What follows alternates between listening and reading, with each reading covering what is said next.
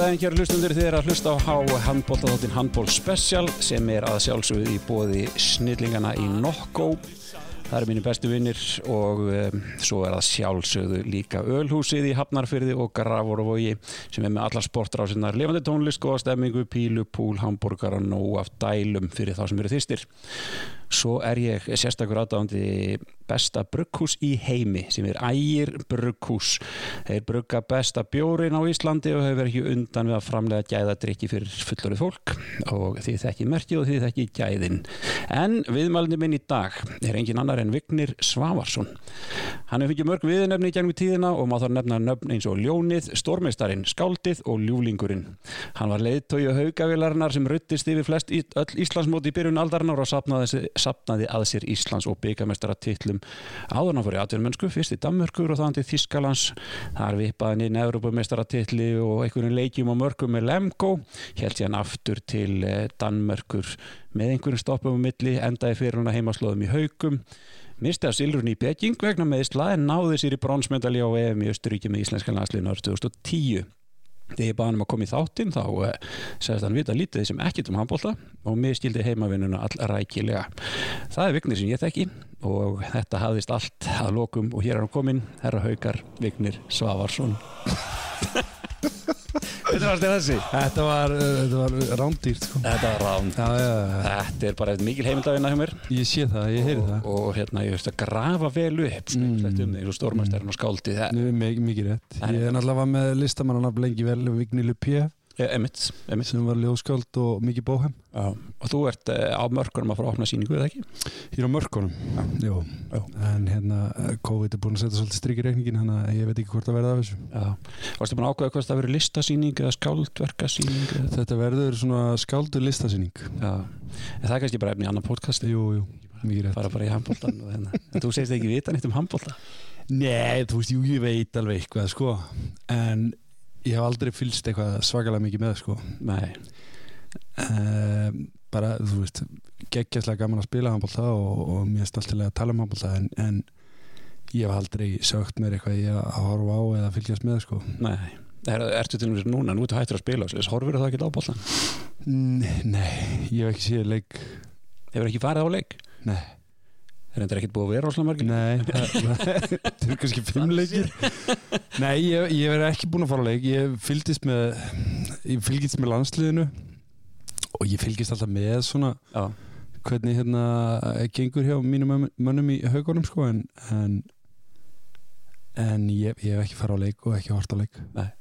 Þú ferði í úsliðu kemna, hún er að fara að byrja. Þannig, Já, þá, þá finnst þetta að vera skemmtilegt. Þá mætur og það verður eitthvað úr þér sko. Fyrir trómundar Fyrir trómundar, þú og Jón Gunnar Já, já, til ég Alveg herra haukar, það er ekki þú, það er Jón Gunnar. Nei, það er endur alveg rétt sko. Við ætlum að fara aðeins yfir uh, þáttinn hérna. Það verður eitthvað draumalið og svo fara að velja eitthvað leikmann sem er í þínu draumaliði og eitthvað sem að, eins og gerir fyrst í það svona draumalið all time hérna,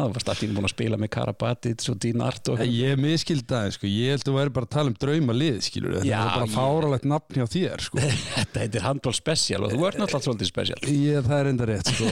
En, þú veist, þú segir draumalið Þú kom hvergi fram að þetta væri draumaliðið mitt, sko. Nei, það er alveg orðið, ég tek þetta aldrei á mig. Já, Ég tek þetta aldrei á mig. Byrjuðu samt aðeins áður fyrir að velja draumalið þá hver er náttúrulega bara, það þekkir enginn á Íslandi nema bara hérna, hauka legend. Já, já, jú, jú, einmitt, mikið rétt. Það eru flestir sem þekkja mig sem hauka legend. Nei, ég er náttúrulega bara, þú veist Ég er náttúrulega bara uh, faðir í dag, tvekja banna faðir og, og giftur og, og vinna á skrifstofu, skilur bara rosa fínt. Ég heyri það að þetta verður sko með þetta hlustun og þennan þá Ég veit það, að þetta var, þetta var að koma á korti Já, ekki spurning. Nei, en þú veist, ég Þú ert uppalinn í haugum Ég er og uppalinn í Haugum. Haukastrákur og pappin var Já, og já, já. bara á öll fjölskyldan skilur við mikið hauka fólk og haukar eru klúburinn minn uh, ég hef alltaf haft ó- rosa gaman að ég spila handballta og en var ekkert að taka þetta sérstaklega alvarlega svona, svona fyrst ekki fyrir er orðið svona kannski 19 Mm. 20 ára og þá fatt að ég geti kannski bara hérna þú veist farið út og spila og eitthvað svona þannig að þá fór ég aðeins að setja mér að púðri í þetta. Og uh, fór að æfa betur og, og, og taka þessu kannski meira alvarlega. Og ég man eftir því sko þegar að, hérna, við unnum saman hérna einu sérla minninga í félagsmyndstöðum í Hafnafyrði við höfum, höfum ábyrð á mörgum úlingum hérna sem rétt. mjög heilbreykt í Hafnafyrði uh, það man í mómentið og saði við mjög hann bara, "Að, nú ætla að fara að taka þetta alveg Já. Það er, það er svipu tíma, hvað er það 2000 og, uh, 2000, 2001 kannski já, kannski 2 já, þaukarnir voru búinir að vera meistarar einu Já, þá einmitt. sástu það að veginn, þú sagðir að bara, heru, ég ætla að vera bestur í haugum, ég ætla að fara út að spila og ég ætla að fara á olimpíuleikana já. Það er bara, það getur bara verið rétt hjá þér. Það var svolítið hérna markmið. Já, og uh, bara eiginlega gekk svona hálfa asnalega vel sko. Ja, heldur betur. Eða þú veist, ég kom stildulega svona snemma eða snemma, ég var náttúrulega orðinn 25 ára þegar ég fyrir út en, en ég hefði sennilega ekki viljað fara mikið fyrir sko. Nei, þú veist, ég var bara uh, ekki tilbúin sko. Nei, og hérna komst að fór til skjern sem að sem að er, uh, ég hefði sennilega ekki geta lent á betri stað sko. Nei.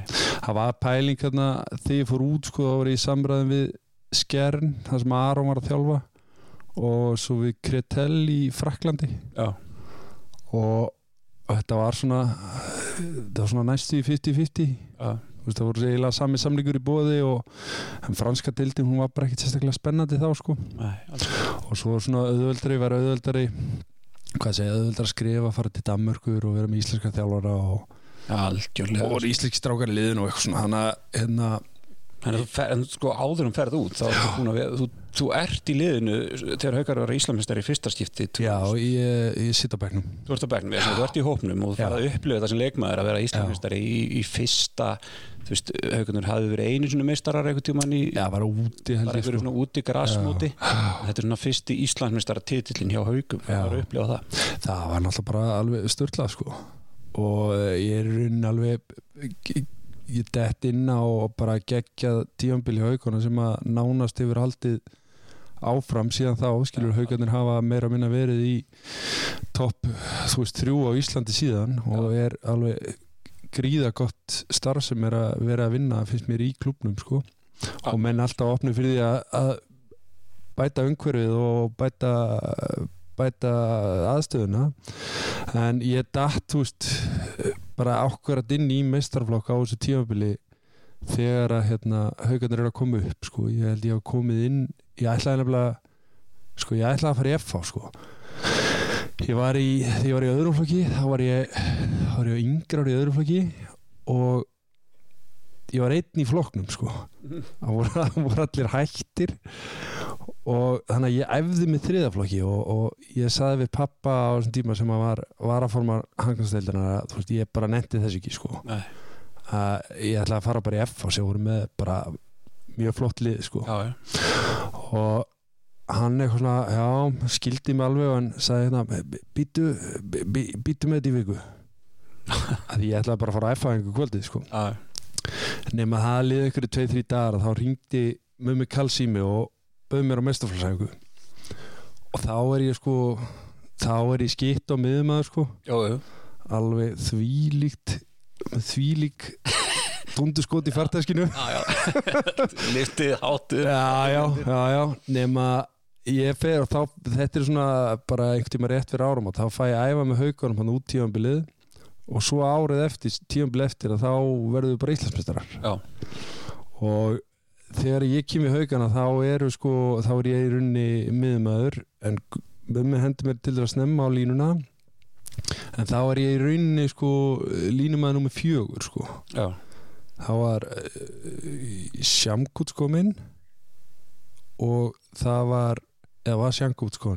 Já, ekki? Ég held að það var eina Jóns og, og Stulli voru á undan sko. Já, Stulli að fengi brjósklós og eina Jóns eitthvað meittu líka þannig að ég var alltaf í línum að nummer tvö og ég spilaði ekki neitt sko nei. En ég var orðið annað val á línuna og þess að uh, vita allar hvað lína væri sko. Og eftir Alexander Shamkuts hvernig típa var þetta var alveg sko. Strómpreikjandi fyrir þetta strangutu já, já, bara alltaf með síkarettuna og svo var það bara fyllibita sko. Hann, stuttun löðjaka og hérna. tú, túrakall sko. Þú veist ef hann datt í það þá hann fullur í viku sko. Já, hann var góð leik já, hann var nefnilega bara fýll leikmað bara mjög góður sko. Já, en hérna en þú veist bara kjáni sko Já, þú veist, svona eftir á að hyggja. Það er ekkert í dag í eitthvað svona líf Nei, Hérna en líka með þú veist, ef maður kikið tilbaka skilur þú veist, mann fannst að vera hundgamall kall þá, sko, en hann er ég veit ekki hvað hann er, 5-6 árum eldri ég. Já, en hérna og þú veist bara hvernig hann lét og, og hvað hann gerði, það var náttúrulega bara, bara kjána, kjánabat, Já. fullorðsbat allilega eins og við erum flestir, sko. Við erum það Hann er svona aðeins öðru svullur spart Já, já, en hann var samt, þú veist, ég hann var mjög góður línumæður og ég læriði helling á hann, sko. Þú veist, hann hafi ekki beint verið hérna að segja mig til en, en þú veist, þá fylgdist ég með að fínt að fylgjast með bara góðu leikmennum og læra að þeim, sko. Það kunna staðsýta sig og, og stóru Já, þungur og greið boltan og skoraði það. Þetta lið sem er sko við tökum bara þetta 99-2000 lið sem að haugarnir verða mestarar fyrst. Mm. Þegar maður skoðar liðið það er einhver smá sleggjur í þessu liðið bara Pett Bambrug á bara hann er allir nú sóknar maður aftur og Já, Fjandinn, bara sko. það er, hann er náttúrulega á að vera á þessum lista þarna Nei, ég, ég kom mér óvart sko. Já, að svona- segja það strax að, en hérna hafa náttúrulega sko algjör forrættið og þvílíkur sko sko fyrir utan uh, getu handbóltalega að það var hann bara svo mikil hann á er endan það í dag bara svo mikil íþróttamæður sko. Ég, sko, hann býr hérna rétt hjá mér. Já, já. Hann lappar hérna alltaf reglulega bókunum minni og ég, bara, hann er í ég, með- hann, er, hann er ennþá bara vaksinn eins og hann geti verið að spila sko. Já, ég er fyrir sund og spyr ég, er Bambergur löginni? Já, nei, það fer ég ekki um maður er alltaf aðsnaljur á hliðin sko. bara ekki séns. Nei, þetta var þetta var, þetta var geggja tímabil sko. þetta var ógæslega gaman. Ég er með Ketil Ellersen, norska Shettel, hann var vinur Halldórs Ingól sem spiluði út saman í Noregi. Einmitt, einmitt Haldur náttúrulega og Óskar Ármannsson og hann kom, Óskar kom ára eftir það var ekki þá eftir? Ég held það sko. já, já, kannski. Ég held að það hefði aðalega verið Peter hvort að Ditti var ekki komið líka. Mm. og ekki Sigmunds í markinu? Já, og Jonni, eða ekki? jú, Jónni var í markinu svo var uh, Kjeli Já. og var, ég held að Jónfreyr hafi verið í hínu hóttinu það er svona í minningunni sko. Það voru þeir alltaf í þessu sko. Ég persónulega geta ég aldrei talað um hérna Jón Frey eftir að á mótið F Æ, ég man eftir því. Já ég veit. Það var, ekki að þetta sko. Það er nefnilega sko þetta líf ótrúlega að haugarnar hafi ekki unnið titil fyrir N- Já og nei sko. Ekki Þú þú mannstu eftir afstrelding á þessu tíma? Það er 99 heldur betur Bara- slutum á mótið M í öllu. Já, bara, og, þú, og F og eitthvað skilur Þetta voru bara Það voru bara fram. Já, fram líka sko. Þetta voru bara hálfpartin atvinnum að lið sko. Þú veist, það voru, það voru held ég að það sé hafi neitt fyrir mér í því en ég meina, menn voru bara bullandi fyrir launum sko. Já pottitt Þú veist, það var fullt af útlendingu sem gera ekkit annað en spila handbólta sko. Já og í raun og veru Íslendingum sem getað hjert það líka en Já, það var allir að vinna samt Nei, nei. En þú veist þannig að ég held sko þú veist að það var heldur ekkit, eins og er núna að menn voru kannski að þrjuma sér eins mikið út sko. Nei það var, það var miklu minnu það Já, miklu minna.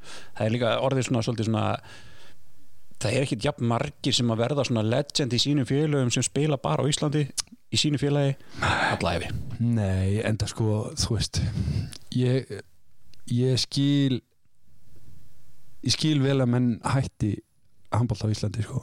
Þú veist, hætti, þú veist, þú er eiga enda kannski skrokkirun eitthvað eftir sko. Þú veist, ég, ég var mjög undirbúin fyrir það þegar ég kom heim í, fyrir tveimur álum að þú veist, fara að vinna og fara hérna að mæta æfingar kvöldin og eitthvað svona sko en þetta er bara ekki nokkur bjóðandi sko. Eða ég menna, eða þú átt fjölskyldu út börn, þetta er ófjölskyldu vænt ég þetta er bara algjört bull.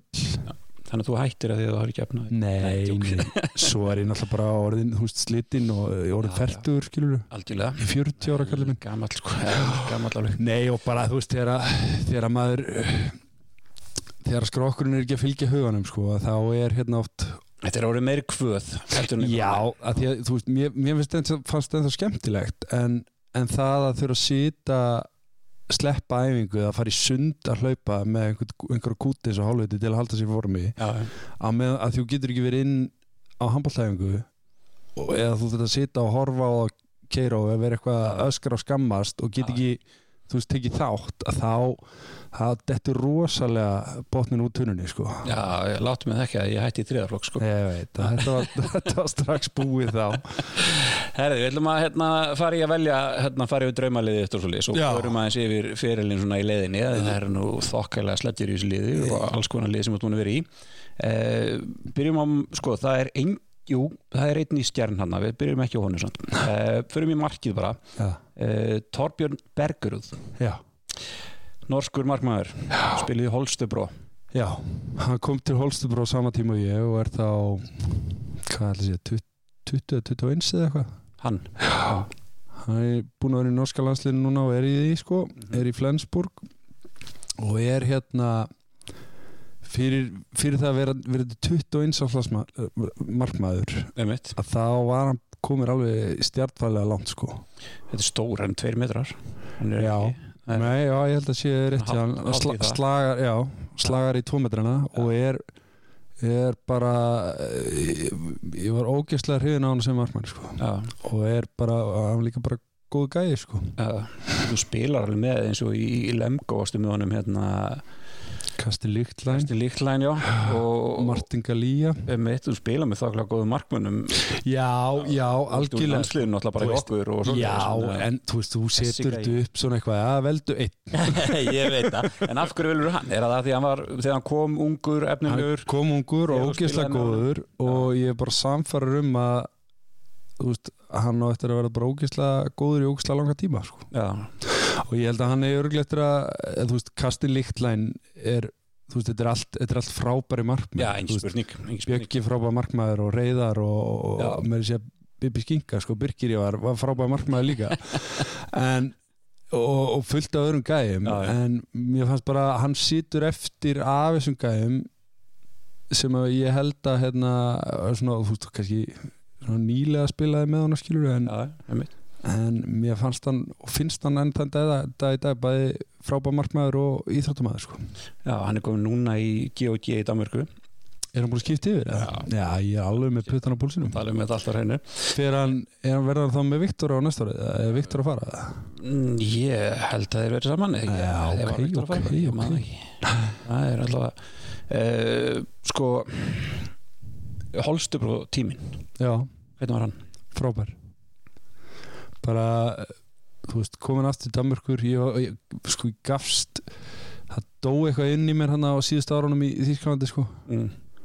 Þú kláraði, þú fer í Lemko og svo fyrir Melsungen Nei, ég fór í, í, í Minden Nei, ég fór í Hannover í mildinni Er ég alveg í ruglunni? hérna? Já. Þú veist í Hannover Varst ekki að tala um að undirbúða sig fyrir þáttinu hérna. Nei, já, ég fór í, Han ég fór í tvö ára á öllu stöðum fór til Já. fór til Hannover Já. og fór svo til Minden Já.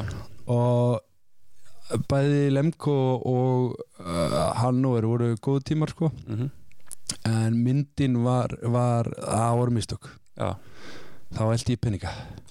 Já, það eru mistök sko. Það er mislug Já, við vorum búin að- Stundum ekki alltaf. Já, við vorum búin að ræða sko fjölskyldan, við vorum svona eiginlega komið nóg af af hérna, að því að þetta er svo líjandi þetta Þískalands æfintýri sko. Mm.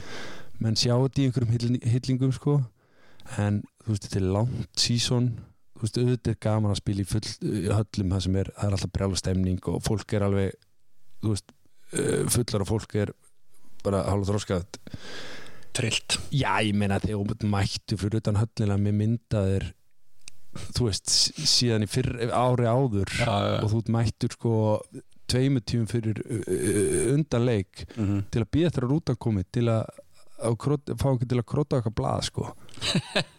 Þetta er bara aðdáðandu vignir Já, Já, ég meina þetta er svo grillað sko. Já. en allavega að Ég, ég man þegar þú varst í mynden ég hitti þig á þessum tíma og ég spurði bara hvernig er þetta, þetta er ekki bara, draumurinn og allir pakkin já, þú horfðir alveg bara grjót hart í augunum með bara eitthvað nei, nei, það var svolítið þannig sko. Það komir ekki á að Ég er- þú ert Danmörkur áttur Já, ég, þú veist, ég lendi líka þjálfara sem að hérna eh, bara fílaði mikið og hérna sem er nú bara eins og það er skilur en, en það var alveg sama hvað hérna ég, ég var oft sko ég var oft 15. maður í hóp sko Já. það var með 13 á bekknum og svo voru við þrýr bak við bekkin sko og svo alveg bara all nokkru sinnum sko að þá setta mig inn í, inn í á, skýslu þegar að kannski tímyndu voru eftir og setti mig inn í vörnina og ég átti að redda leiknum sko Já, þú veist bara hvað, allavega hann mjög grilluð típa sko já. Þannig að þú fer til Danmörkur aftur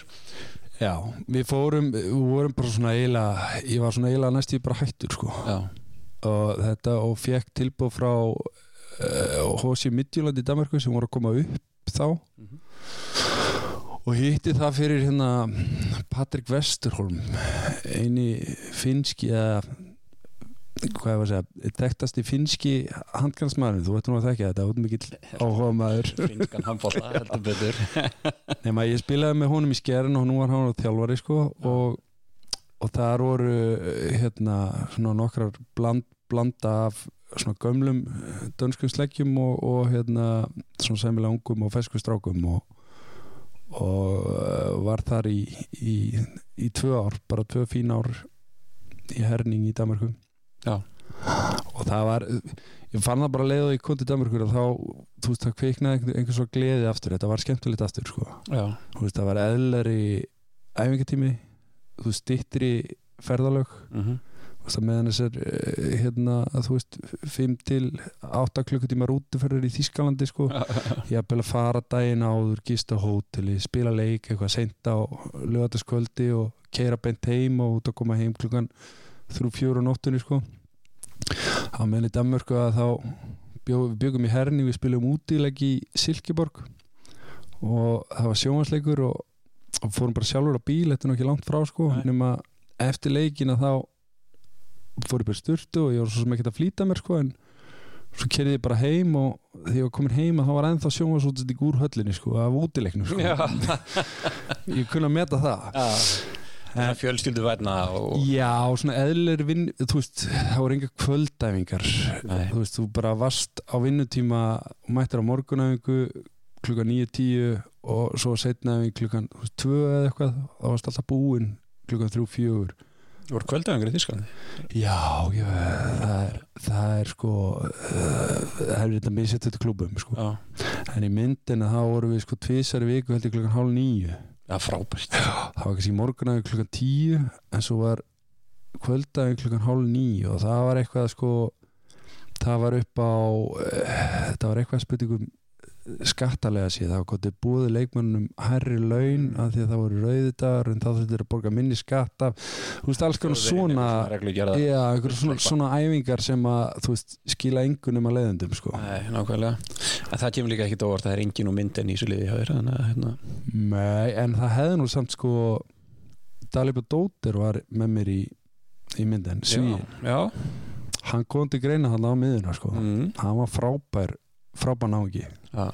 En þú allavega, þú hérna valdir markmannin Þorbjörn Bergurúð sem er bara stórkastlu markmanður Já, og á vonandi eftir að verða frábær fyrir Noreg nema þegar hann spila mát okkur. Já, er sem hann verður öruglega ekki hann verður alltaf öruglega. Það er er ekkert ólíklegt. Svo fyrir við aðeins inn í hérna, eh, vinstra hotni og, og, og svo vinstir skiptu sinna við erum að fara inn í hérna, Já, þarna í vinstra hotninu komum margir til greina nei, ég raun ekki sko. Nei. Guðján Váli Sigursson er bara íþróttamæður heimsins sko. Já, eða þú veist, bara þegar Guðumalur er var á Prime sko að þá var hann bara hann var bara besti eitt besti handbóltamæður já, engi spurning. Þú veist, sóknar og varnarlega fyrir utan það að hann gætt þú veist, var alltaf í formi sko. Já. og er örugglega ennþann dag í dag í formi sko pottjött sko, getur þú að koma inn á í Guðmundsbakka hann nei, það sko. bara pottið sko. Hvernig hérna, þið spilum við mikið saman við erum mörg ár saman hvernig, hvernig típa er þetta, þetta er, maður þekkir hann alveg. Þetta er leiðtogi Mm. og þetta er búin að vera fyrirliðin landsliðsins og bestur og allur pjáttinn hvað er, hvað veit maður ekki um Guðmundsval hann er mjög lauslátur þetta eru fyrirsögnin Nei, hann er bara, ég þetta er náttúrulega bara klála djók sko, en, Já, já. en hérna uh, þetta er náttúrulega bara toppmaður sko Já, og er koma óvart að hann færi í þjálfun nei, nei, nei, nei. hann hefur ekkert að sækja í neitt annað heldur en handbólta, hann veit ekkert annað Nei. Nei, hann er náttúrulega þú veist, eh, bara hann elskar, elskar þetta hann elskar að æfa og hann elskar handbólta sko Já, og hérna eh, er bara ógislega samviskusamur og, og hvað er að segja, hann er rosa hann er rosa eðlilegur. Já, þetta er bara hans, hans bara, já, hann er líka bara svo eðlilegur þú veist, þú veist og, og þó hann hafi alveg verið, verið svona stór stjarnar sko mm -hmm. að, og hún finnst það ekkert stekla þægilegt sko. Nei, hann vil draga sér til hér já, hann vil bara vera svona, þú veist, bara fá að gera sitt og, og hérna Já, og vera ekkert að, að- að spá í einhverju öðru sko. Ég held nefnilega sko að þeir sem komu hérna þátt og hafa spilað með gauja þeir verði alltaf með guðjumall í hodninu Já, ég held líka bara þó að þú veist já, bara, hann er náttúrulega bara eh, one of a kind sko. Engin spurning, engin spurning. Uh, Fyrir þá bara beint í nýstur skiptuna Þar kemur nú gæði sem er alveg hægt að tala um og hann elskar alveg að, að tala um sjálfansi og, og hérna, allt sem hann gerir. Vinstri skipta er maður sem þú spilaði með í landsliðinu og í Lemgo Logi Girsson Ég er bara það er bara eitt logi sko. Sko það komir ekki óvart Nei. en samt smá Svo þið er svona, því ég þekki nú því og loga báða að komir þetta ekkert óvart. Nei, logi sko logi var náttúrulega þegar hann var upp á sitt besta Já, það var hann hann var geggjaður sko. Það er eiginlega bara tíminn sem hann er með þér í Lemgo eða ekki, eða? Jú, svo sko Þetta er meðsli svo meðist hann í öxlinni sko og spilar reyndar alveg allt og lengi mittur í öxlinni er eitthvað að rembast sko. Já, en en þegar að bara á þessu tímabili þarna ólípileikurum og fyrir það þá var hann bara stórkostlegur sko. Og hann gati eiginlega gert það sem hann vildi sko, þú veist, auðvitað þetta var náttúrulega Logi Gisson, hann vildi bara alltaf yfirleitt skora sko, já, já. en svo þegar ég er nýkomin í Lemko sko, þá, þá var hann bara fann að blikka mig sko upp á þú veist, voru við mjög fljótt náðu við saman upp á línusendingar. En svo þegar hinn línumæður sem var með mér Sebastian Price hann fíl, Logi fílaði hann ekkit þannig að hann var aldrei að gefa hann sko. En hann var aðgjössanlega óstöðandi sko og, og bara frábær leikmaður sko. Bara hefði hann getið spila vörð sko þá hefði hann verið fullkomi leikmaður sko. Já. en hann nefndi því ekki Nei, það voru mikið álag. Skora ekki í vörðinu, sko. Nei ég veit það, ég veit það. Það er bara einn maður sem gætt búið til frasan þeir skora sem þóra það er bara þannig sko. Eh, Þið eruð saman í landsliðinu og í þessu Lemgo lið Þið verðið öðrbúðmestarar saman já, ásamt fleirum sem eru í þessu liði. 2010 já. Eh, Er það besta liði sem þú hefur verið í? Já, ég hugsa það sko. Svona félagslið að það var þetta klálega bestmannaða liði sko. Þetta var svona þetta eiginlega svona byrja að rinja þarna hjá Lemko á þessu tímabili. Já, þeir voru alltaf sko þetta var alltaf þýska liði sko það var alltaf þýska landslið meira og minna var í í hérna Lemko. Og fyrsta árið mitt í Lemko þá erum við þá erum við með bara geðveitlið við erum bara með tvo þú veist bara klassa leikmenn í öllu stöðum og maður ég kom hann inn í þetta frá Danmörk og var með svona bara pínu uh, starstrukt skilur já, já. og uh, Þetta var eins og sér, þetta var bara meira að minna þíska landslið já, ég, við, við, Miklu lit já það, sko og búið að vera það í mörg ár áður sko. Þú veist uh, hérna en svo var sko Markus Bauer sem var lengi vel á miðin í, í Þýska landsliðinu og í Lemko. Hann var tekið við sem þjálfari í Lemko þegar ég kem, kem það hvað það er fyrsta ári hans. Hann, fekk mig yfir og, og hérna og við byrjuðum tímanbili Mali alveg, alveg ríkalega vel sko. Og vorum held ég bara toppnum í þýsku deildir um, um áramótin. Og rétt fyrir áramóta fyrir hérna fyrir Norton á hausinn. Já, og þá fengum við þá vorum sko vorum með Rolf Hermann og Thomas Moskæ bara klassa hæri skýttur mm nema þá keifti Lemko hérna Holger Glandorf. Já. snákin sjálfan. Eitt sérkynlegasti handbóltamæður sem ég manni alveg ótrúlegur sko. Já, en og þá eru konum með sko þá skapaði svona einhver skrítin dýnamik í, þú veist þetta raskaði einhvern veginn í ying og yangi í, í liðinu bara sko. fá hann í lið Já, það áttu komið, komið þrjá klassa. klassa hæri skýttur sem að allir vilja spila og það einhvern veginn það, það sundraði, þetta var svolítið þetta voru afglöpa kaupan sko. Já. þó hann hafi frábæð leikmaður og ekkert Já, út á hann að setja. En en það var jafnvæg í þessu og þetta einhvern veginn gekk upp fram að jólum. þeir bæta við Já, Stjörnur. bara ymmit, það, það gerðist eitthvað sko við náðum einhvern veginn, ég man ekki við enduðum í þriðja, fjóra sætið eða eitthvað. 2010, fymta, 7. já, ymmit þetta fór allt í skrúin eftir áramót. Fór í skrúna sko, en samt sko 2010 er er hérna árið sem að allir Evropamestarinnir eru frá Þískalandi Kílinu, mestaratillina, Gúmusbakvinnur og þið vinnur í Lemgo Já, já það var sko þannig að þetta er deildinu þokkalega sterk. Já, frábært deild sko þú veist, og er það, þú veist, er það var alltaf en hérna Já, en á þessum tíma var samt sko uh, þú veist Þískland var með sterkusteldi heimi skilur. Alveg. að fó, fór ekkert á Frakland átti ekki sjens á þessum tíma Nei. þannig séð. Með mig, og þú veist, það var ekkert þannig séð að gerast í austrunni heldur sko. ekki í Danmörku þannig Nei, ekki þannig, þú veist, veist, Danirni voru bara með, með sína Dani sem maður vildi ekkert fara en, en þú veist, það voru það voru bara mest í áhugin og mest sterkast deildin var Þískland á þessu tíma sko. ég held bara að það sé alveg hægt að segja það án þess að án þess að ljúa neinu sko. Já.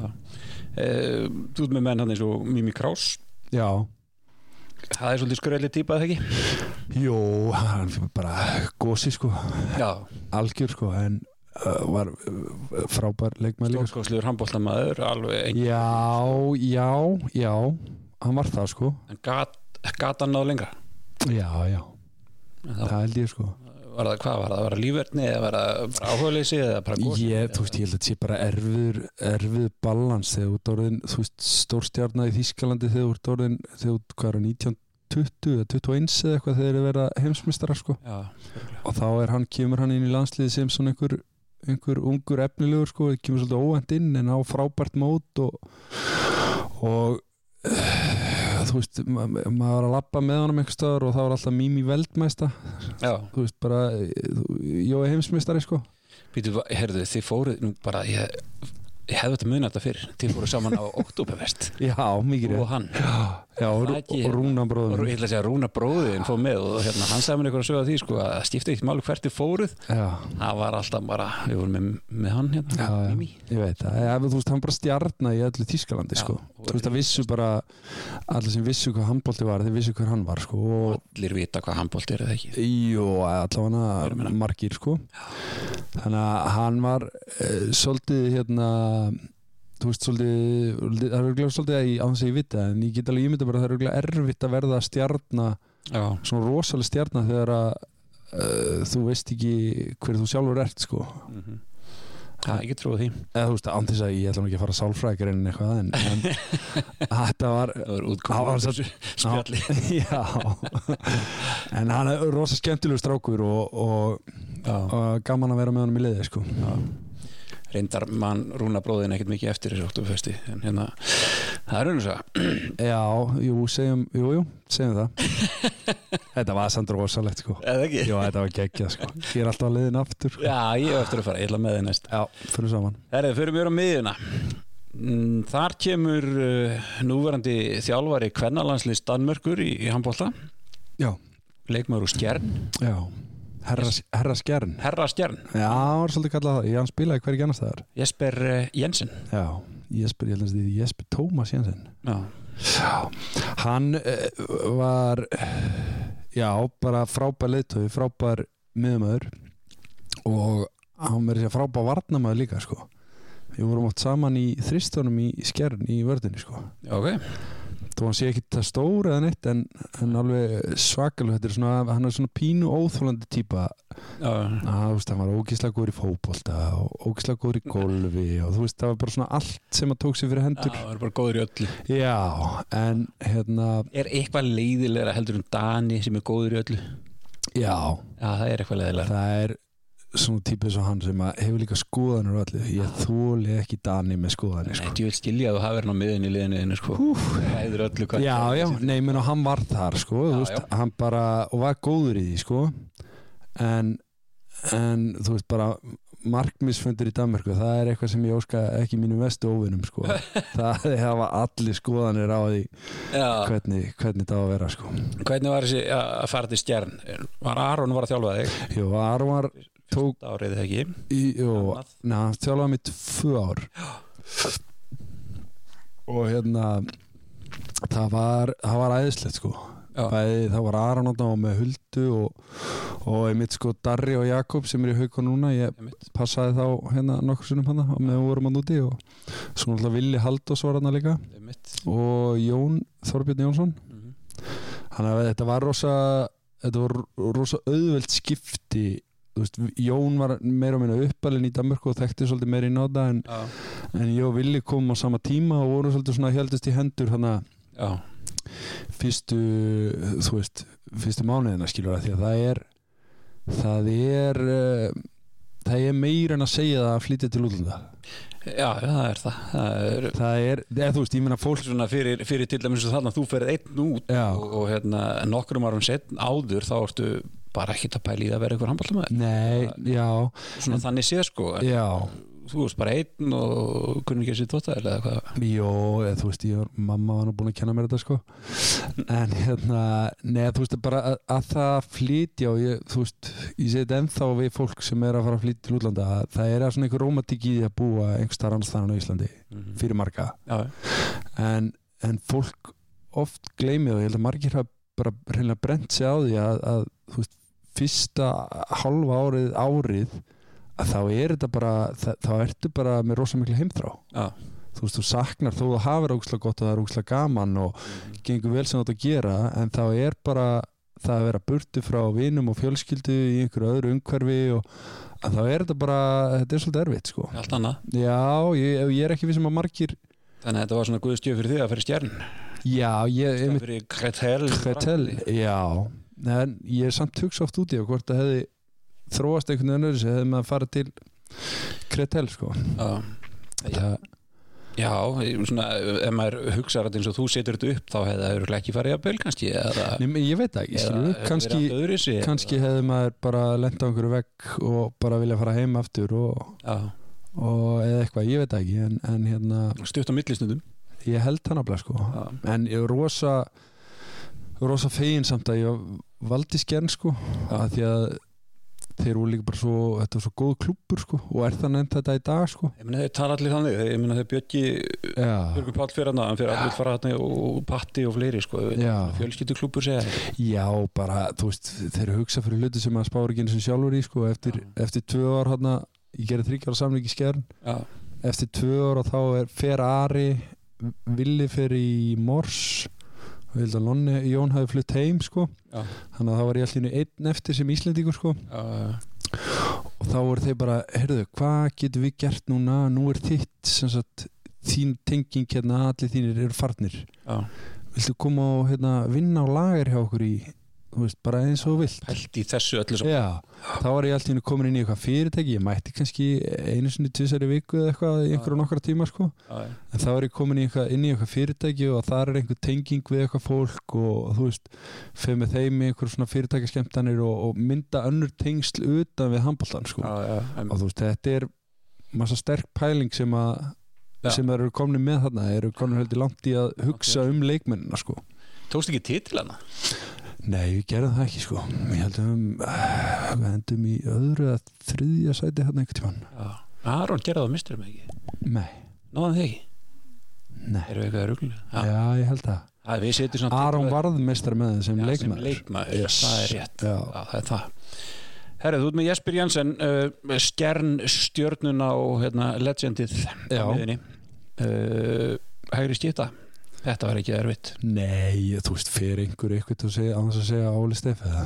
Nei, Nei, en það er ekkit allir sem spiluðu með hann nei, nei, það nei. er, það er nú samt svona karakter sem er eftir að tala um og, og segja frá og hérna Já, og svo leis bara potið sko. Ha- Hann er hann er alltaf bara one of a kind sko. Bara undrabatt sko. Já. Hann er, uh, sko, þú ert í þessu landsliði sem að er að fara á olimpíuleikunum Peking. Já, þú ert búin að vera uh, svona frekar fastur hlekkur í því liði já, uh, hvernig er að vera í svona hóp sem að þú veist, í kjölfærið þegar maður sér svo áragurinn þó að þú hafi nú þessi miður dott út í því að Mm. hérna, lið og hópur sem er leittur á Óla Steff hvernig, hvernig er þetta? sko á þess þessu tími bara þetta sumar sko er og í aðdrandur að olimpíuleikunum það var, ég veit ekki alveg það, það var svo rosalegur hugur í öllum. Já, það var, ég, ég var bara svona sjaldan upplega eins mikla sko e- eins mikla samilega einbyttingu í að gera allt sem þú þarft að gera til að ná árangri sko. Þú veist, það lögðust bara allir það voru allir klárir í að fara á sólum bílega og gera einhverja hluti sko. Og og undir þannig sé fórustu Óla semst með þetta að halda markmiðsetningunum ganganiði og halda mönnum aktífum og það voru alls konar stigagjafir og leikir í gangi sko innan æfingarinnar. Hvort sem það var í uppbytunni eða hvort sem það var þegar vorum að spila sko.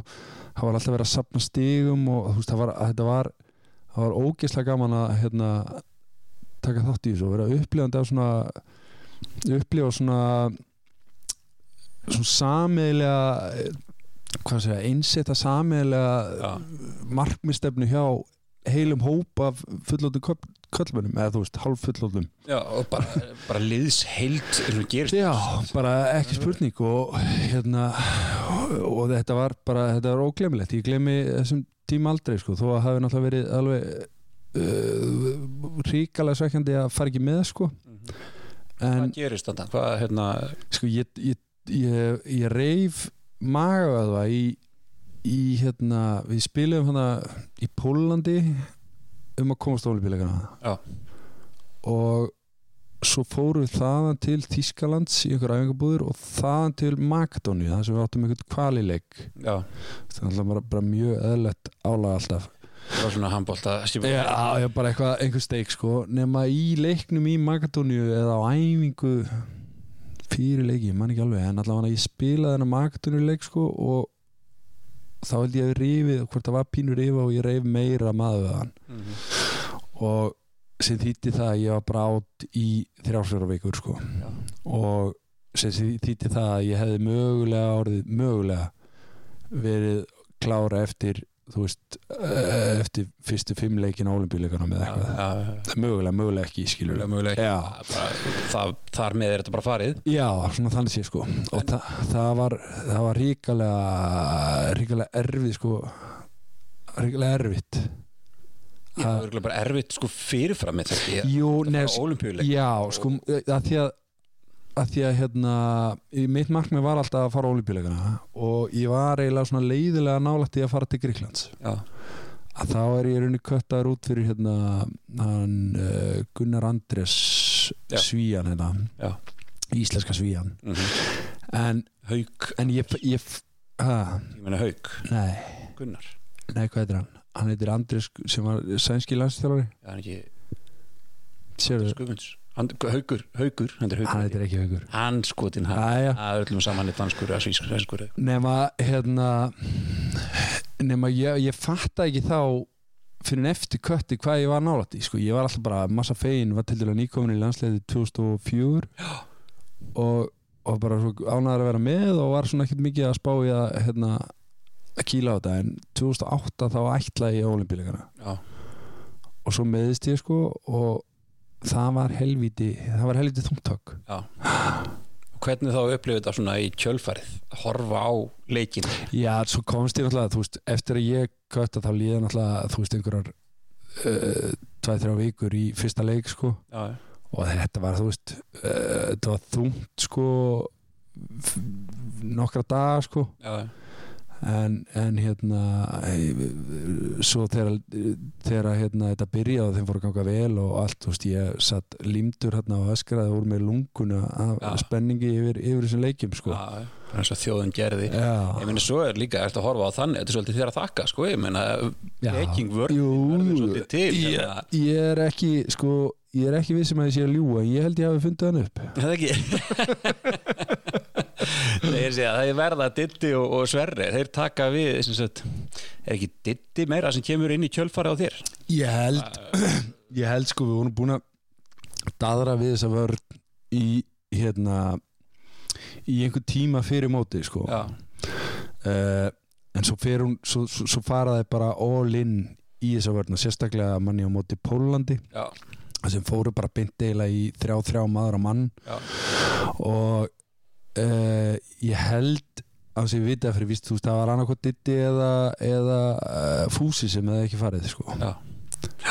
en, en ég veit ekki hvað hann hefði valið sko Nei, nei, veit það svona En þetta var umræðin um Óla Stef sko þannig að þetta er Já. Óla Stef er hægri skittu út með hann að tvo bestu handbóltamennum sögunar hérna í uh, Íslands og, og heimsins bara uh, Já, ég held að það sé bara staðfest þannig að við fyrir mig hægri hotni og þar er annað það er annað svona club legend í sínum klubbi það er uh, Florian Kerman. Já, Lemgo. Já.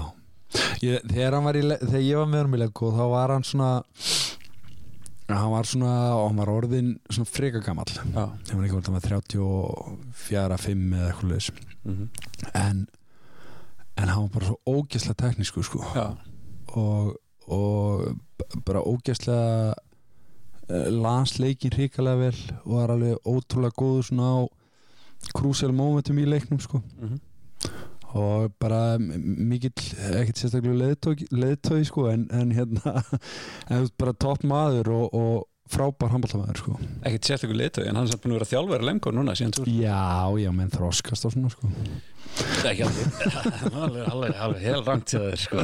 þannig að sko Flória Kerman er eins og við segjum við vorum töluð nú aðeins um lengur tíman áðan og slis mm.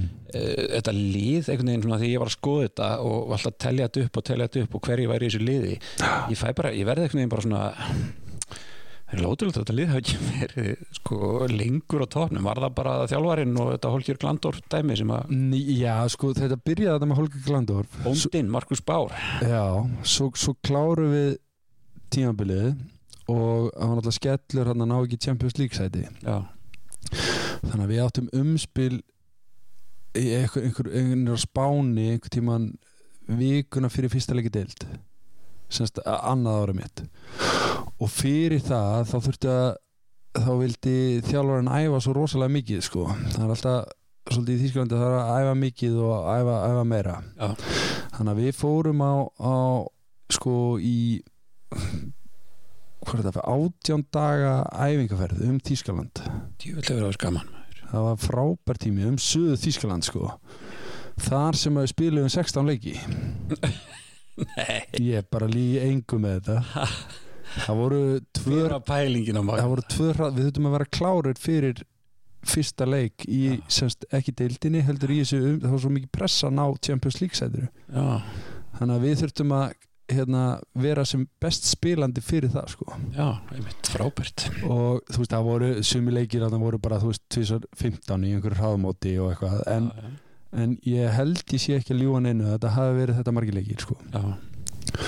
Og vorum að þess á milli að spila svona þýska sýningaleiki þar svo spila við einhverja rútubilstjóra mhm. í einhverju þriðuldaliði sko, fyrir fullri einhverju sveitahöll skilur og liði var gjössalega komið upp í kók á þessu og bara aðstafanum sem að þú veist bara já, já, hver var tilgangurinn sem að er enn þannig að þetta mér óskiljanlegur sko. já, svo fyrir við til Spánar og ég man ekki hvaða lið voru þarna þetta voru bara svona einhver allavegna við bara bara steinláum, gátum ekki neitt komumst ekki í Champions League.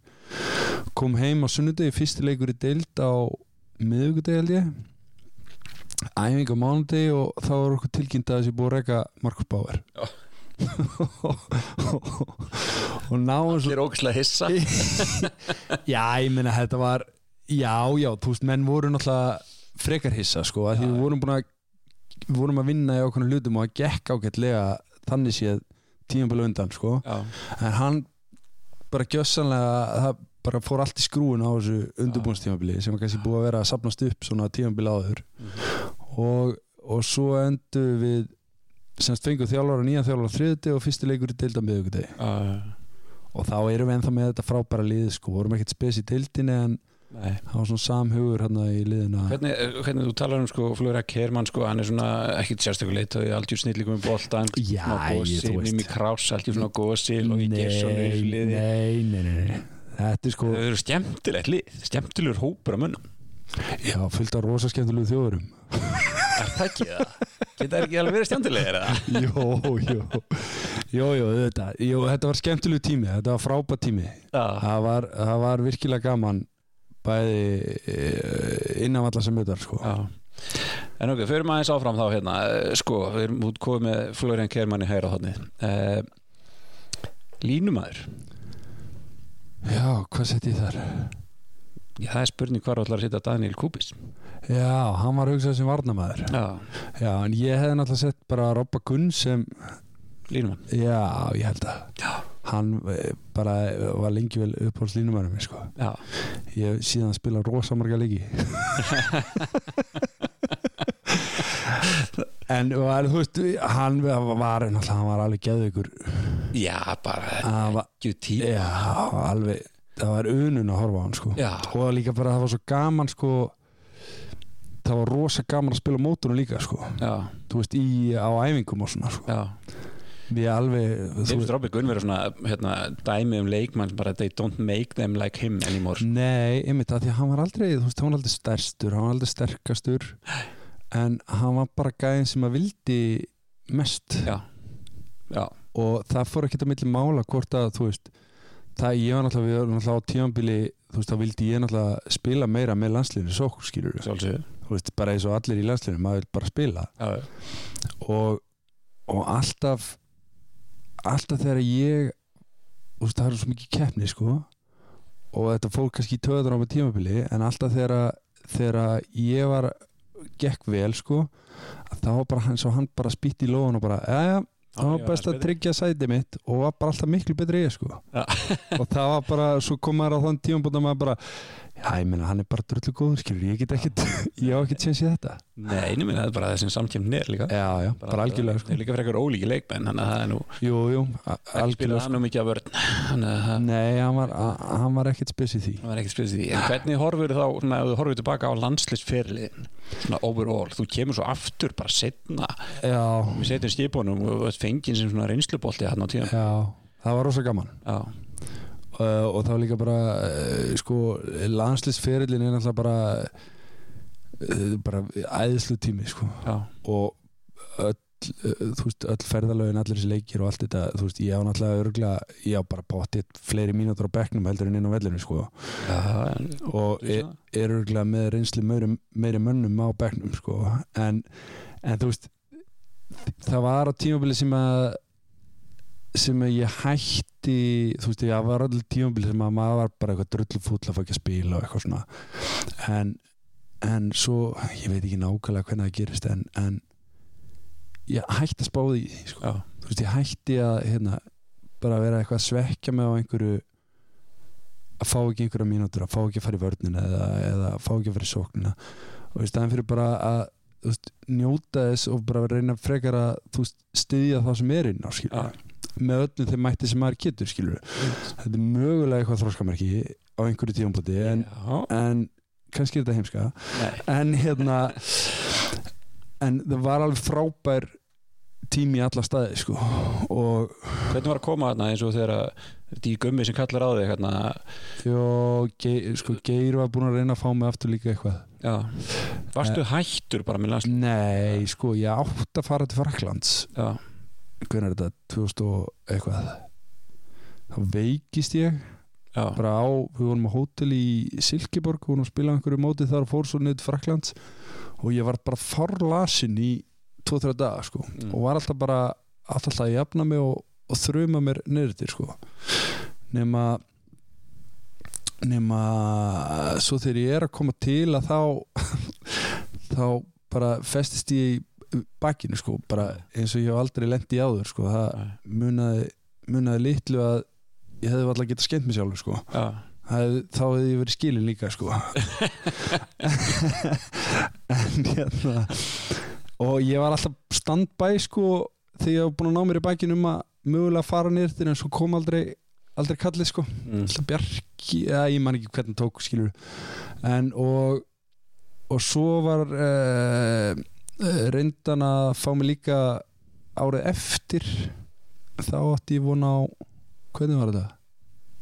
Já, ég átti vona á badni já, það var alltaf eitthvað sem að Já, það bara gaf ekki kosta mér sko. Með mig, en svo, svo hafði gummi samband um mig og, og og ég var alveg til sko. Já, og það var líka, það var líka svolítið hérna það var líka svolítið sætt bara að fá að hætta á sínu fórsöndum sko. já, nákvæmlega það sem ég ætla að segja. Að hérna, geta farið inn í þetta og svona vitandi bara, heyrðu, þetta er að síðast sem ég geri. Já og bara það er veist, það er, er hérna veist að, vi- að viss, vissi þetta að vissi þetta í lengin sko. Nei, ég var ekkert búin að segja gumma þetta ég var búin að tala um þetta við Guðjón Val held ég. Já. en þetta var einhver, einhver sumarleikur hann og og svo rosalega ljúft sko bara að klára leikin komast áfram og bara geta sagt takk fyrir mig. Já, bara inn í klefa og ég var ekkert eitthvað að hafa eitthvað hátt um þetta. Ég reyndi að tilkynnti fórsetunum fyrst að ég var hættur. Já, já, hún er góð vinniðinu já, guðinu vinnu minn. Það var var mjög skrítið moment. Ég hérna var svona með, með tárun í augunum inn í, inn í höll sko, eitthvað að vera að klappa eitthvað og ég var alveg við það að brotna niður og, og fór hún í klefa bara þú veist tilfinningar og Já, bara já. þetta væri þessi tímabili væri búið og hann var svo ótrúlega sáttur og og kemur í klefa og, og er með, með tárun í augunum og, og, og Guð- Guðn er þá inn í klefa og hann bara kemur svona fát á hann og bara spyr mér bara er, er allt í lagi? Og ég var bara eitthvað já, herru, það er kannski best að tilkynna þér það fyrst en ég er sérst hættir í landslinu Reyndan ekkert að tala þig á því? Hann svo kom eitthvað, já, já, já og við sé ekkert hvað þetta vera sko. Þetta er svo íslenskt. Já, fannst ekki að þetta atrið sko. Já, en er allavega. Já, og svo bara, Það er góðu maður sem tók á móti þér. Já, þetta var helviti magna moment sko. Mm. og svo hérna, þú veist bara þegar liðið kom inn þá fekk ég að halda einhverju pínu tölu bara þess að ég takkaði fyrir mig og sagði með öll að fokka sér og nei, hundlið Þið eru fáhittar Ég var á sjóin Í Herði, við erum hérna búin að heldur betur hanga í þessu liði hjá þér. Varnamaðurinn Daniel Kúpis Tjeknaskur uh, Hvað segir maður? Durgur eða Já, algjördur sko. Durgur og, Já, já, og svona og svona apahendur. Svona hendi sinna á niður fyrir nýje það er Þegar stendur upp yfir alveg gjörsamlega óþólandi að spila mótunum. Já, örglega sko. Að, Þú veist að hann bæði uh, Bæði var hann alltaf stór og sterkur og algjörur mér en hann var rosa klókur sko. Ég var eiginlega, veist sem var með sverri líka þarna sko. Já, að því að það er svo skemmtileg saga þegar að Sverri mætti á fyrstu landslæfinguna sko. Hvað með hana? að við vorum í Magdeburg það var Alfreð að hérna að þjálfa. Vorum í æfingabúðum í Mag Magdeburg og, og Sverri kemur hann inn ég man ekki hvort það var í Háka þá eða eitthvað hann nýbyrjaðar aftur þannig sé sko. Búin að vera bara eitthvað í skóla í Danmörk og skiptinum í Pandaríkjanum og hann kom inn á æfingu og ég manna að sko ég var allur ég held ég að fyrir gegnum þrjá búl á æfingunni og það, maður voru allir bara mar, allir út í marblettum og, og klórum og alls konar og nema, nema gerpið þannig í vörnina hann skælbrosti allar ringir og hún fannst það svo gaman sko og svo hann að lemja bara allir, allir spað og það gæti ekki verið eitthvað fúll út í hann því að hann bara, þú veist, hann ljómaði það allir er sko. Gentle Giant bara. alveg, hann geggjaður sko. Sverrir er svona næsti varnamaðurinn en, en, en hva, hvernig hann verður svo setna hann er bara, hann var ekki hanslýstjálfari í tjekk Jú, jú, jú, jú, búin að vera núna í bara svolítið mörg ár sko. Hann að hætti núna, það var einhver skandall út af COVID þarna. COVID eitthvað, smitt og eitthvað hann á síðasta mót. En uh, hann var rosa klókur sko. Mm. og útfærði í rauninni vörd hjá okkur og sín tíma hann í Lemko sem að sem að var svona pínu afbreyði af gumma gummvördunni sko með svona aggressíva tvista á móti þú veist þegar bol- bolti kemur og gagst þær átt og eitthvað svona. Spiluðu Sem- þið við liða Já, við gerum það sko. Og hérna bara mjög svona mjög uh, skýra stefnu skýra vinnureglur Veit. sem að svona ég var að kannski kynntist í fyrst skipti þarna. Mm. og svona tók, tók ég tók svolítið timminn sko þú veist hvernig að stjórnaði vörninu sko. Því að fór ekkert að milli mála að, að hann stjórnaði vörninu í Lemko sko. Já, þú veist Markus Bauer var meira með sóknarleikin og, og hann var með rest sko. Já. Hann, var- hann, hann spilaði bara ekki? Bara Jó, hann var eitthvað og, Nei, nei, hann var Bara- bara umuli vinstri sko. Já, hann svoleiðis. Já, já, já, bara þú veist, algjör massa klunni sko. já ég man sko, ég, ég, ég elska góða varnamenn og bara, ég horfði stundum meira á varnarleik heldur en sóknarleik og Mm. uh, ég myndi ekkit almennilega eftir hann þannig að ég fór svona að googla hann og lesa um hann og Mm. eitt og þetta og svo maður sá ég mynda hann þá myndi ég eftir andlitin á þessu þessu Gerpi. sem maður segir sko að hérna, ég segja bara djöfull hann, hann hefur svona eitthvað yfirbreið yfir sér sem leikmaður sko um að vera bara gjörsamlega skít sama já, já, um allt. Að það er bara enginn að fara að skora hjá mér. Og hann bara til að gera allt fyrir. Já, hann er svona, hann er svona, var svona pínu, pínu fílupúki, sko, e, þú veist. hann lekur af honum Já, já, já, já. En, þú veist, utanvallega var hann uh, frábakaði, skilur Já. eins og þeir eru eiginlega allir, sko. Maður heldur alltaf að þetta séu fáiðar, svo er þetta bara, það svo er bara tókislega skemmtilegur. bara ótrúlega fýtt ná Herði, þá er allavega liðið komið eh, svona, eh, hérna þá fyrir mér nokkra fan favorite spurningar sko, Mm. fyrir mig að markmaður er Torbjörn Bergerúð sem hún spilaði með í Holstebro eh, norski landsleismarkmaðurinn vinstra hot Guðjón Valur. Fyrstur skýtta Logi Gersson miðja Jesper Jensen hægri skýtta Óli Steff hægra hort Flória Kerman lína Robby. Gunn var, ég ætlaði að setja þig á línu en að, ok, já, hver kemst ekki inn í þann lið Jú, jú, bara bökk. Já. Og Lína Robby Gunn, Varnamar Daniel Kubis Þú settir engan þjálfara á það lið? Nei, þetta ég, Þjálfari, sko, þjálfari liðsins er í Já. bóði Ægiskars og Ægir eh, Brygghús er náttúrulega hérna, réttum með rétt hana þetta er allt úr Ægir Brygghúsi hérna. Eh, besti bjóri heimi, besta, besta Brygghús, Örbryghús á Íslandi og hérna, þú getur fundið þetta allt í eh, í búð er það gott eða? Þetta er ágætt, þú ættir að smaka þetta, pröfa þetta. Þú er nú ekkert mikið smakað svona. En þú, búin, þú varst með eh, fullt af góðum þjálfurum. Við tökum bara Íslendingana hérna í flótubræði Aron Kristinsson, Já. Viggo Sigursson, Gummi Gum Geir Sveinsson og, og fleiri sko. Svo ertu nú með í SP Jensen hérna líka. Hefði geta verið spilandi þjálfari Það er kannski eða? Jú, jú. Sko, Markus Bár Æ, þú veist, já, sko Þú mátt þjálfa þetta sjálfur sko, það er allt í leið Ég má það Ég geti gert góða hluti með þetta lið. Já, blundaði það ekki í þér að fara í þjálfun? Nei, verður maður ekki að brenna fyrir þetta maður er alltaf fara í þjálfun? Eh, Það er oft gott fyrir þjálfara að brenna fyrir það í En ég, ég sko, þú veist, ég held bara að það sé svo Þú veist Það er alveg bara Það fyrir svo mikil tími í þetta hljómar alveg ógislega leðilega Æ, þetta er bara svo ógislega mikil tími. Nei, ég meina þú þarft að fylgjast með og horfa á leiki og greina og klippa og svo þarft að undirbúa æfingu og svo þarft að stýra æfingunni skilur og svo þarft að þú veist tala við vandamála pjessan í liðinu og þú þarft að halda markmiðsfund og Þetta er bara að hljóma eins og vinna. Ég, Já, en ég meina getur verið þjálfar í fullu starfi á Íslandi?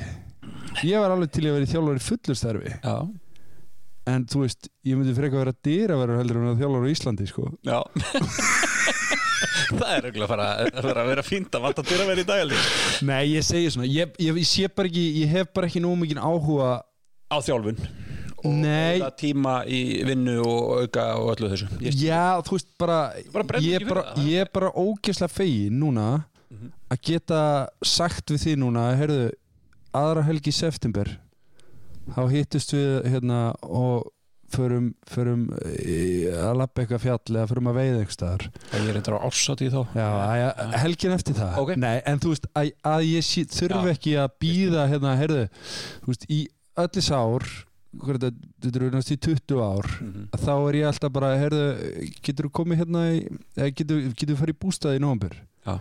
Já, ég er að býða eftir að fá planið og svo getur ég Já. hvort ég kemst skilur, að vera laus við þessa spurningu að geta þur, þurfi ekki að svara svona og geta bara sagt, heyrðu, já, ég, ég, ég er til, sko. Þetta er ekki lengur uh, fyrsta í fórgang þetta gengur ekki allt á eftir. Nei, núna hef ég bara algjört frelsi. geggjað.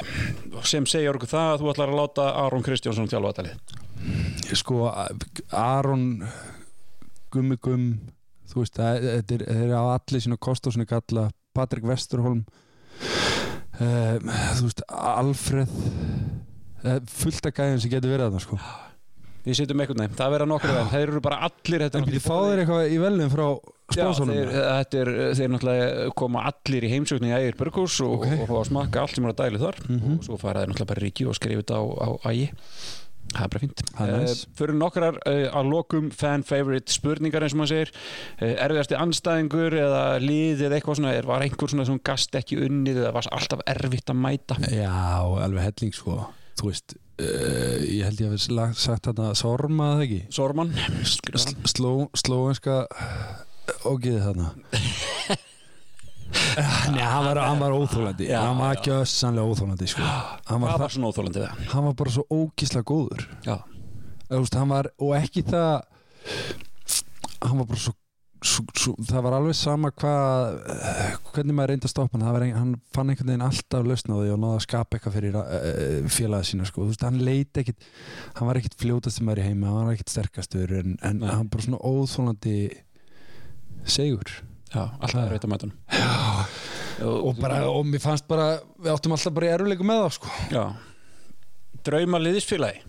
Eitthvað oh. svona uppáhaldsgaur svona sem að hver var þessi geggjaði klefarin sko. þarf ekki að þurfa þarf ekki svona geta neitt í handbólta sko. Nei, þeir eru bara svo margi svoleið sko. en það er eitt sem að, sem að stendur svolítið upp úr að það er Siggi Þórðar mjölkufræðing Já, frá Selfossi Já, það er maður sem að ég hitti bara síðast í fyrra held ég eftir eftir að ekki síðan í 15 ár. Nei, við- spiluðu náttúrulega saman í haugum Já, við föðumumst bara eins og höfum verið á æfingu daginn áður. Já, að, að þetta er algjör öðlingur og ótrúlega skemmtilegu drengur já, mér fannst hann einmitt alveg óþólandi sko, því hann var alltaf svo góður um að defa Já, það er þá bara einn að fá leikjunum sem að gata eitthvað sko.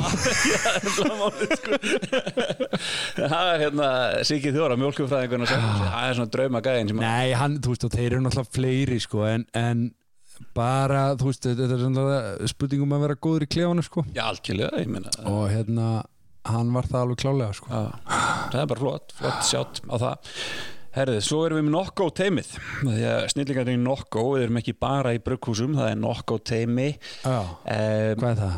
Hvað er það? Það er það besta af þeim bestu. Þú mátt velja þrjá leikmenn í handbólta sögunni fyrr og síðar uh, lifandi, látnir, hverju sem er sem mátt sita inn í þetta lið. Sko, Það ert ekki á að spila með þeim. Nei, þannig get ég farið í sem ég bjóð sem þú til í já, já, einmitt. Sko, uh, ég held að Karabatic sé svolítið sérflöki upp á það að bæði frábær sóknamaður og frábær varnamaður mm og mér finnst það svolítið hérna þú veist, ég mun aldrei kalla Mikael Hansen í heimi nei af því hann bara getur ekki spila Nei. og mér finnst það líka bara, bara fenóminun frá því að hann kom upp sko. já, bara, 12 ára var hann sko 2 metrar ára og rísa og búin að vera bara bestur í heimi ógislega langa tíma sko. Já. Og svo er hann að franski línumærin Kerva, Kervadek Já, sem að, sem að uh, var einmitt það sem var að reyna að fá mig til Kretel á sín tíma. Var hann reyna að fá það þangað? já, hann var orðin hérna, formar í klubnum sko. hann er það Sporting director eða? Yes. Já, hann, ég spilaði á móti honum tvísvar þegar við vorum með haukonum þegar við vorum alltaf í Champions League. Alveg rétt Alveg rétt og það var það er ákveðu stjórnu moment í þessu. Já, og svo er, þú veist, Óli er náttúrulega á að vera hana líka sko. Óli er í liðinu, þannig að getur valin þessar. Ég ætla ekki að gera það. Nei. Ég ætla að velja Jackson, Jackson Richardson líka. Ah, Franska, þú ert með þrjá franskar nokk á stjörnur Heyrðu, ég er með þrjá frakka í þessu um hóp hjá mér. Já, þú ert með þjóðveri á frakka Þetta er, þetta er rótulega gaman hjá þér. Þetta er Jackson Richardson sko, hann er náttúrulega hann er bara töfra maður það var geggjaður sko. Ég spilaði sko í eitthvað fyrri leikjunum hjá mér er með landsliðinu þá ég, spilaði ég á mótornu sko. Þá var hann ennþá í landsliðinu. Já, og það, mér fannst það geðvikslega stórt sko. Er eitthvað lið sem þú hefur viljað spila með í sögunni? Já, Barcelona. Barcelona, Já, já, Besta lið í bara alltaf, alltaf. Já bara Það þarf ekki að tala um þá í, á Spáni nema náttúrulega þegar að 73 ála þeir voru með sko. en, Já, En en þú veist það, já, það var hann að þegar við haugandi spiliðum á mótið sætla minninga og gerði jættelvi Andri Stefán með marka aftur fyrir sig. Já, ógljómalegt Já, þá var, eh, þú veist, þeir voru eitthvað að- grænstast fyrir um mig sko. Og nema svo skipti henni þjálfara eitthvað og þá glemtist, eða þú veist kom bara eitthvað nýr sem hafði ekkert áhuga á mér sko. Þannig að þegar þú varst í haugum, spilum í Barcelona þá voru þeir að skoða þig. Já, svona eitthvað, eitthvað eftir það, já, Pæli því, já. Það hefur verið draumur Það hefði verið geggjað sko. Já, En ég, já, það hefði verið geggjað. Að Ég hefði alltaf Ég hefði alltaf stokkið á Barcelona ef þeir hefði ringt sko. Já Hvernig voru þessi leikjum mútið Barcelona? Fyrir svona fyrir utan það Haldur Ingólfsson skoraði sko 100 mörkið í báðum Já, um Ingóls með þeir Gekkjaður uh, Þeir voru frábæri sko. Þeir voru náttúrulega, þetta var náttúrulega þvílist stjórnulið hérna sko. Já, og og uh, bara ó- ógleymanlegt sko. Það var, og ég ta- tala nú ekki um sko þessi jafnteflisleikur úti sko að það var náttúrulega eh, full vél að hauka fólki með sko. Já, 150 manns í stúkunni, það var náttúrulega enginn frá Barcelona í stúkunni sko. Nei, eins og er aldrei Nei, ekki, ekki á svona leikjum sko. Þi, sko, Ég held mér sem er minni að það hefði verið þannig að sko Barcelona hefði ekki tapað stíi Þeir hefðu, nei, já það var svolítið þeir hefðu ekki tapast í á heimavelli í sko, ég man ekki þetta hvort það voru einhver 10-11 árið eitthvað Já, sko. þetta var eitthvað svolítið já, Svo komu haugarnir og, og já, tóku jafntefli. Alveg grillað sko þetta var alveg grillað sko, okkur leið bara eins og varum öðru heimsmeistarar. En það var líka, við vorum bara trygg Ótrúlegt. þetta var líka sko hafði mikla þýðingu að því að þetta triði okkur það að við komumst, vorum bara að tryggja okkur held ég fjórða sæti í deildinni Já, og þá fóstu beint í Európa-kefni félagslega eða eitthvað slags að því að næsti leikur hjá okkur var á móti Skopje held ég í Magadóníu og sá leikur hafði þá enga þýðingu. En, en uh, leikurinn á undan okkur ég held að við höfum verið Magdeburg í reyðileg líka. Eh, leiknum á undan að í sömu umferð og við spilum við Barcelona að þá var Magdeburg já, og þá fóru sem sagt áhörnir í uppbytun bæði sem sagt stuðnislið en einhver svona tvö, tveir hópar af húligans þeir fóru inn á völlin í uppbytun og voru slást einhver hópar af mönnum sko bara einhver sturlu stemning sko já. þannig að þegar við mættum svo til skópja þannig einhverjum viku setna þá var hérna þá var skiptið þetta bara einhver máli þá var bara róli stemning og já. bara svona passlega malgir og lögreglumenn og, og ekki tamargir í Þú í höllinni, sko. Real, sko. Barcelona, Magdeburg og, og Skopje sko. Já, Skópja reyndar á þessum tíma var ekkit spes sko. Já, Sant Magdeburg og Barcelona Já, já, já, það voru náttúrulega það var geggjað sko. Já, já, eh, ætlum að setja þetta sem söguna sem að þú segir í, í, á Ölúsinu í, já, er, er, var þetta hún? Þetta var hún, viltu eftir með aðra það? Nei, þú veist, ekkit í fljótu sko. Nei, þetta er sko sagan, Barcelona sagan þín er, er bóði Ölhúsins hérna uh, Ölhúsi á Reykjavík og Grafvegi það sem þú getur fengið alveg endalist af, hérna, góðum drikkjum á dælu og horta fótbolla og handbolla og allar sportur, eh, allt sport sem hún getur. Vignir, það er búið að vera geggjað að spjalla við þig um handbolla þú sem sagðir að þú vissir ekki neitt um handbolla Nei, ég enda veit ég ekki neitt Ég er bara að tala um þig. Já, ég veit svo mikið um mig. Veit svo mikið við Alltaf, ég veit það ekki. Æri, Þetta er búið að vera geggjað Vignir, takk kjærlega fyrir að koma. Þetta var handból special uh, Við uh, erum í búið Nokko, snillingarnir Nokko Ölhúsið Reykjavík uh, í Gráinum og á Ölhúsið í uh, Reykjavík vegi í Hafnaveri og svo sjálfsögðu Ægir Brukkús Vignir Sávarsson, takk kjærlega fyrir að koma. Takk fyrir mig, takk Ölúsið Takk Nokko, takk Ægir. Var ég með það? Ægir Brukkús Já, það. Er ég með það. Takk fyrir mig, Dryggur Takk